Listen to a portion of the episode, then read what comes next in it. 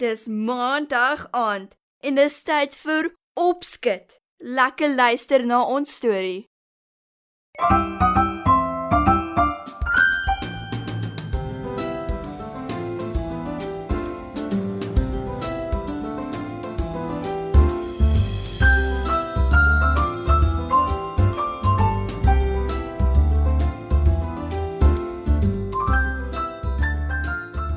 Goeienaand maats.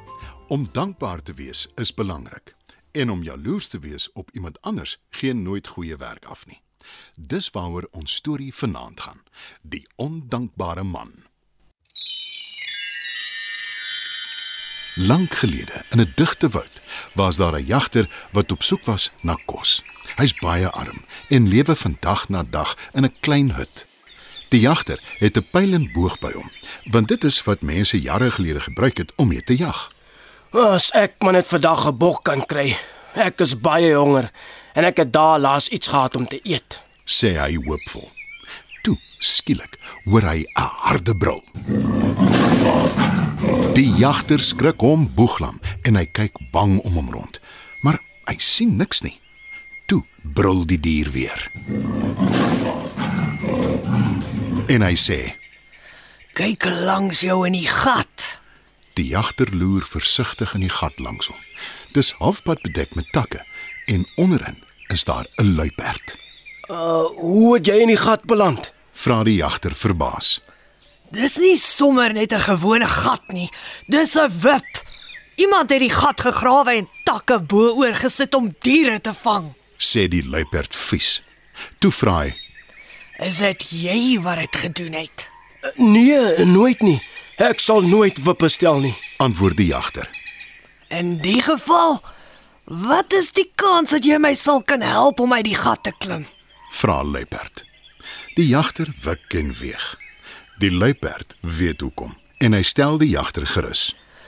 Toe maar. Jy hoef nie bang te wees nie. Ek sal jou nie doodbyt nie. Net toe hoor die jagter 'n man 'n en wegroep. Moenie die luiperd glo nie. Hy vang gereeld vee. Jy kan hom nie vertrou nie. Wie is jy en waar's jy? Vra die jagter.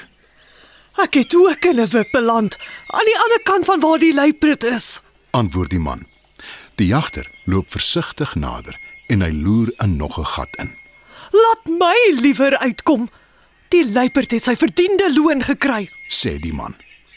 Toe hoor die jagter 'n gesis. Dis 'n slang en haar stert sit vas in 'n struik. Asseblief help my. Pleit die slang. Nee, onder geen omstandighede nie. Dink aan hoeveel mense die slang al gebyt het en ek is seker nie een van hulle het dit oorleef nie. sê die man. Net toe hoor die jagter nog 'n geluid. Dis 'n rot wat piep en sy is ook in 'n wip gevang. Die jagter is teen die tyd al so de mekaar, hy weet nie watter kant toe nie.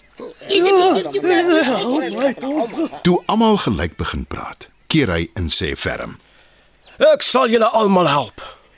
"Die diere en die man is verlig." En toe die jagter hulle uit hulle wippe en strikke verlos het, sê die luiperd: Jy sal dit nie berou nie.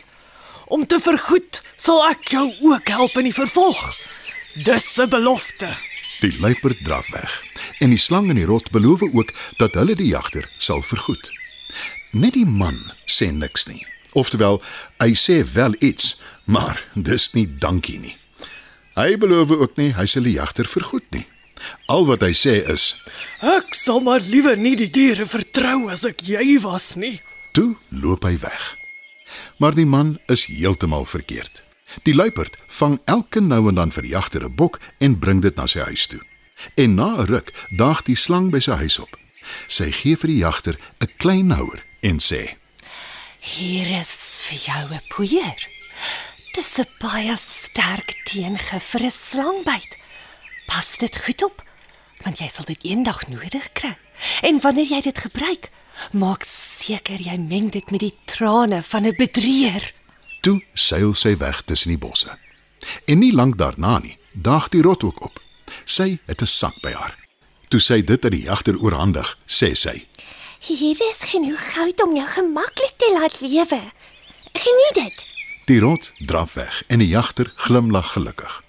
Hy bou vir homself 'n nuwe groter huis en hy lewe gemaklik, soos wat die rot voorspel het.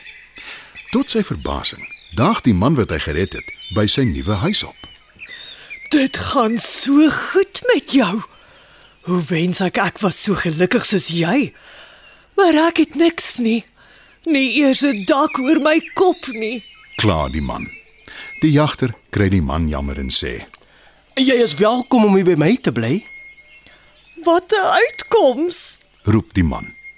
Maar weer eens sê hy nie dankie nie. Hy kyk net tevrede om hom rond en hy maak hom tuis.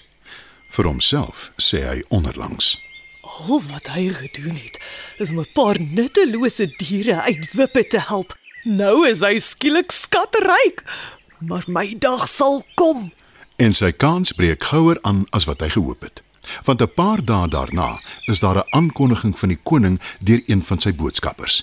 Rowers het by die paleis ingebreek en die koning se skatte gesteel. Enige iemand wat inligting het oor die diefstal, word gevra om dadelik na die paleis toe te kom.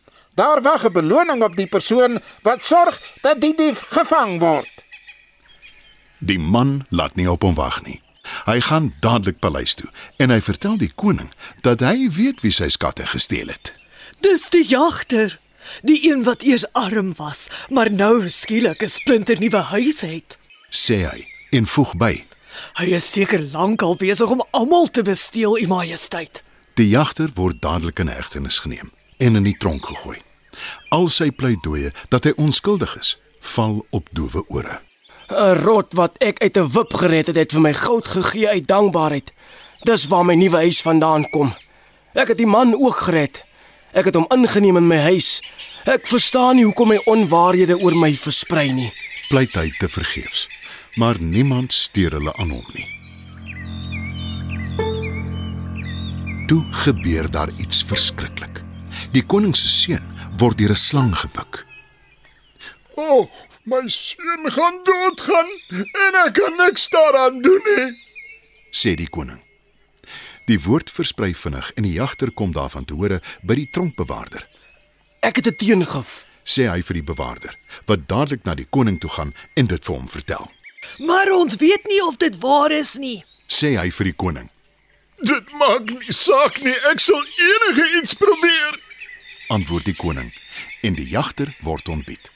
Hy gee die sakkie met teengif vir die koning. Toe sê hy: Dis 'n poeier, U Majesteit. Maar vir dit om te werk moet dit gemeng word met die trane van 'n bedrieër.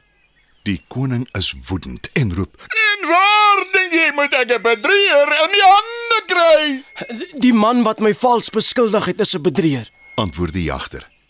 Die koning dink 'n oomblik na. Toe laat hy die man ontbied en sê vir hom: Volgens die jagter het jy nie die waarheid gepraat oor hom nie. Daarom stuur ek jou lewenslank tronk toe. Die man skrik groot en begin huil en pleit. Asseblief nie, o grote koning. O, toe toe vang sy trane en meng dit met die poeier. Beveel die koning. Die teengif word aan die slangbyt gesmeer en die koning se seun maak sy oë oop. Toe weet die koning, die jagter praat nog die hele tyd die waarheid. Intussen is die skelm wat die koning se skatte gesteel het, gevang en die jagter word beloon met nog goud. Dit was nog 'n opskets storie. Ek hoop julle het lekker geluister, maats. Tot volgende keer. you